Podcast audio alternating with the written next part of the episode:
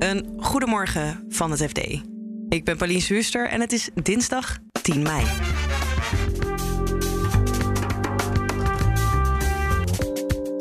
De tuchtrechter van makelaarsvereniging NVM vindt dat een van de grootste leden geschorst moet worden.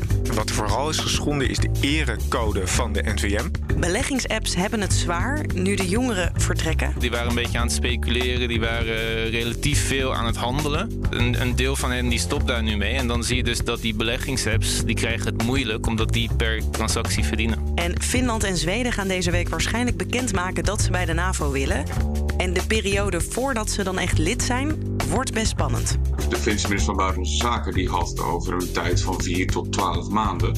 En dan heb je dus een risico dat je ja, nog niet beschermd bent door het beroemde artikel 5.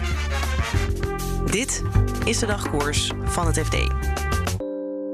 Makelaarsland is een van de grootste leden van de NVM, de branchevereniging van makelaars.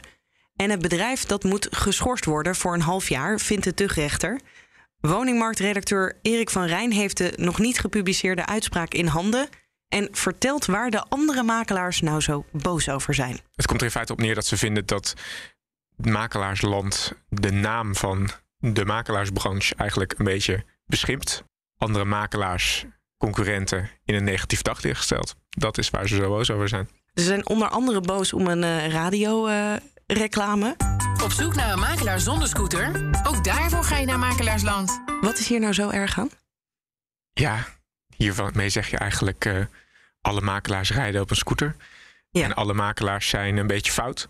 En het beeld van een rondrijdende scooter doet heel erg denken aan een soort van onderwereld imago. En het image van een scooter zou niet goed zijn voor de makelaarsbranche. Dat is eigenlijk wat er wordt gezegd door deze makelaars. Ja, zelfs Willem Holleder kwam langs, toch? Ja, zeker. En dat wordt gezegd inderdaad van ja, dit roept bij de suggestie uh, toch al, dit roept toch al heel gouden suggestie op van uh, mensen die op een scooter rondrijden. En wie is nou de bekendste Nederlander die op een scooter ooit rondreed door Amsterdam?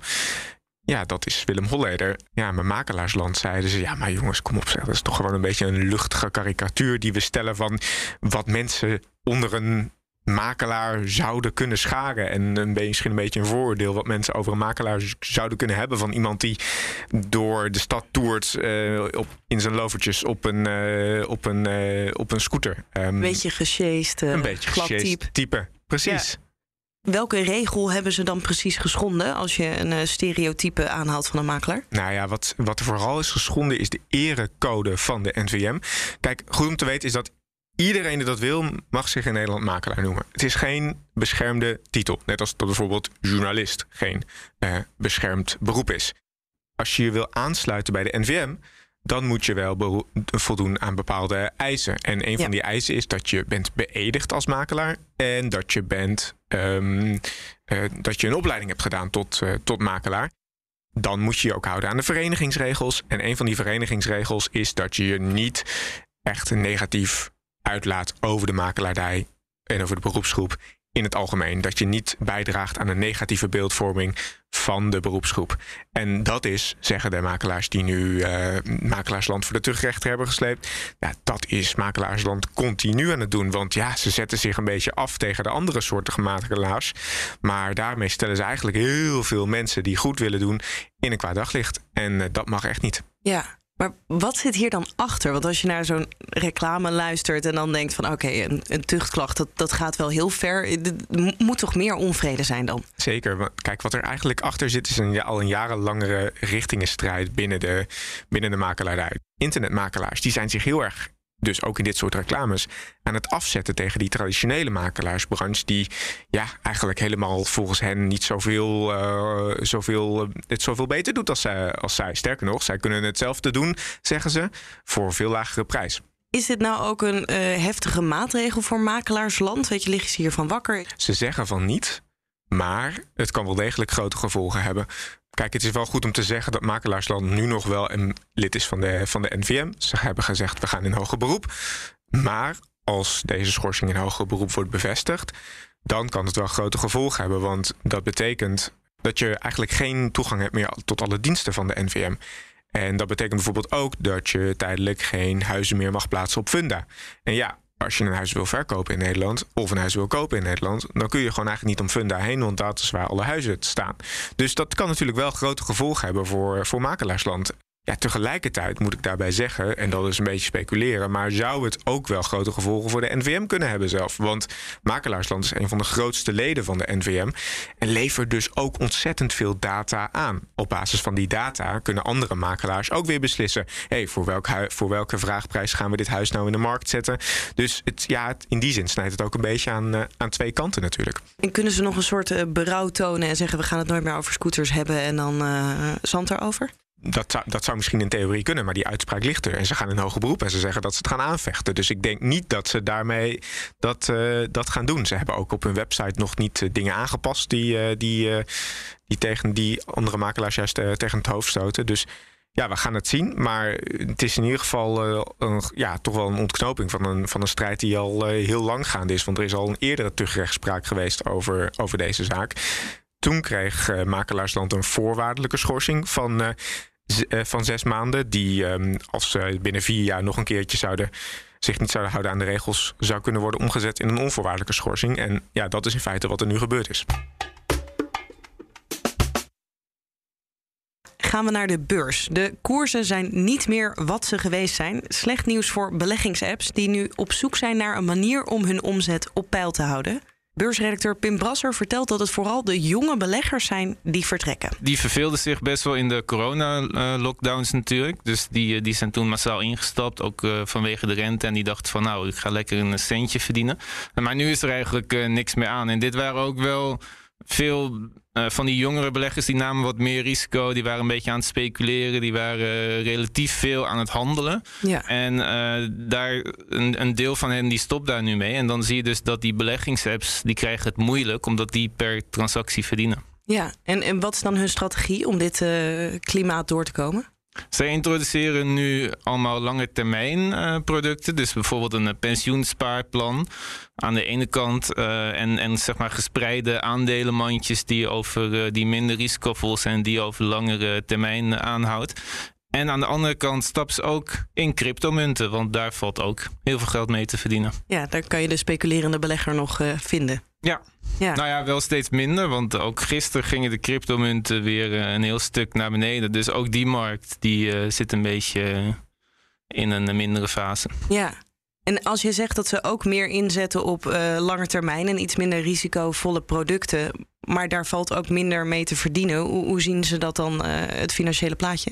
De CEO van, van Bux, dat is een populaire beleggingsapp, die zei van ja, eigenlijk hadden we al vooral uh, passieve beleggers. Dus ja. mensen die weinig handelen en die voor de lange termijn. En hij zegt van dat wordt nu nog wat meer. Uh, en wat wij proberen is, we, we, proberen die klanten nog meer te verwennen. En omdat het er zo ontzettend veel zijn, is het een kwestie van schaal. En kunnen we dus, als we heel veel klanten, als we daar dus zeg maar wat producten meer aan verkopen, dan kunnen we dat compenseren voor die, die, die speculanten die er veel minder zijn. En het is niet zo dat stiekem de belegger ook iets duurder uit is. Nou, dat is dus wel een beetje een kwestie bij, uh, bij Flatex de Giro, de Duitse moederbedrijf van, van de Giro. Die hebben sinds vorig jaar beloofd ze zero commission op een, uh, op een hoop uh, aandelen. En dat ja. betekent dus geen commissie. Maar vervolgens hebben ze dus andere kosten, zoals valutakosten, die hebben ze juist verhoogd.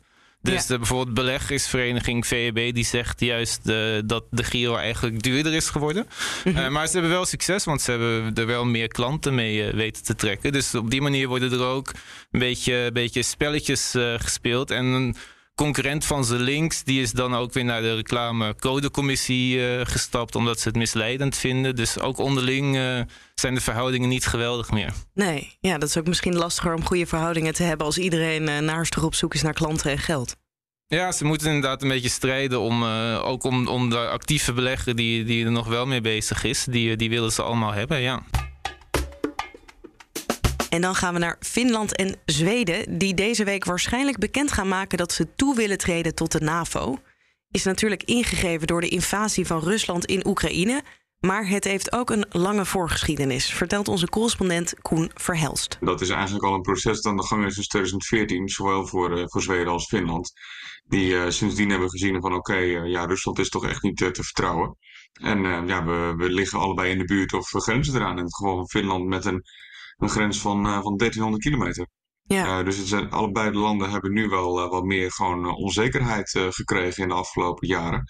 En de, de invasie in Oekraïne van, van Poetin, die, die heeft toch wel echt de, die heeft de emmer doen overlopen. En daardoor is de steun in Finland nu dus ook zo enorm gestegen. En Zweden komt daar een beetje achteraan, maar ook daar is het enorm omhoog gegaan onder de bevolking. Ja, en hoe groot is dan de vrees voor een tegenreactie vanuit Rusland als ze dit proces wel echt ingaan? Ja, die is er inderdaad wel. En dan gaat het met name over de periode tussen het moment dat ze dus deze week gaan aankondigen, naar mijn verwachting, dat ze allebei lid willen gaan worden. Uh, dan is het vervolgens het proces dat de NAVO een land formeel uitnodigt. En dan moet er een heel onderhandelingsproces op gang komen. En dan moeten alle uh, parlementen, alle, alle, staatshoofden moeten dan instemmen met, uh, met deze onderhandelingen. dus dat is een periode die best lang kan duren. de, de Finse minister van Buitenlandse Zaken die had het over een tijd van 4 tot 12 maanden. En dan heb je dus een risico dat je ja, nog niet beschermd bent door het beroemde artikel 5. waar dus ja, alle um, alle bondgenoten een andere bondgenoot moeten uh, assisteren als die uh, aangevallen worden.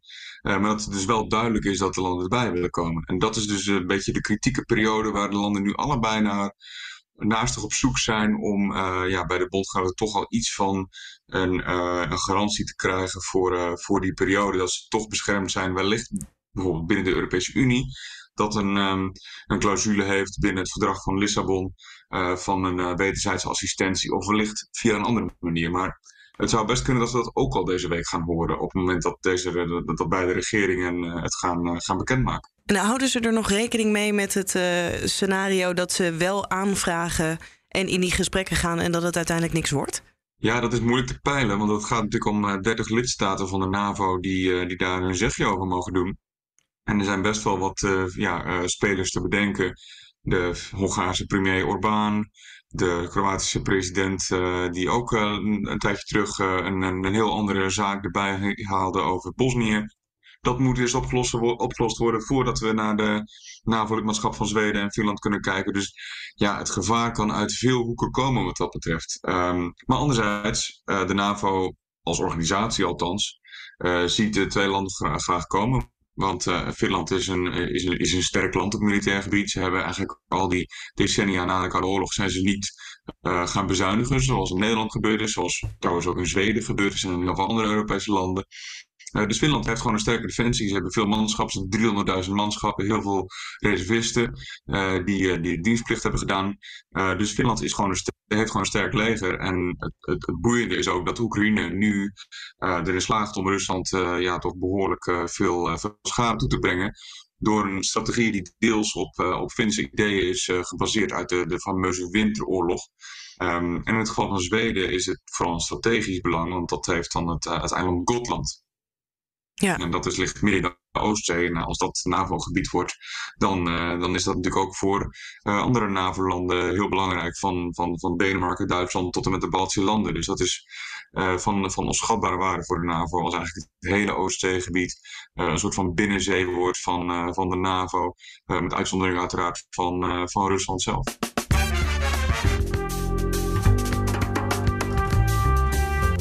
Dit was de dagkoers van het FD. Je vindt ons terug in je favoriete podcast-app. Abonneer je daar dus ook op dagkoers. Dan staat een nieuwe aflevering automatisch voor je klaar. De linkjes van de verhalen waar je net over hoorde staan in de show notes. En je vindt die verhalen natuurlijk ook op fd.nl. Net zoals het laatste financieel-economisch nieuws. Voor nu een hele fijne dag en tot morgen.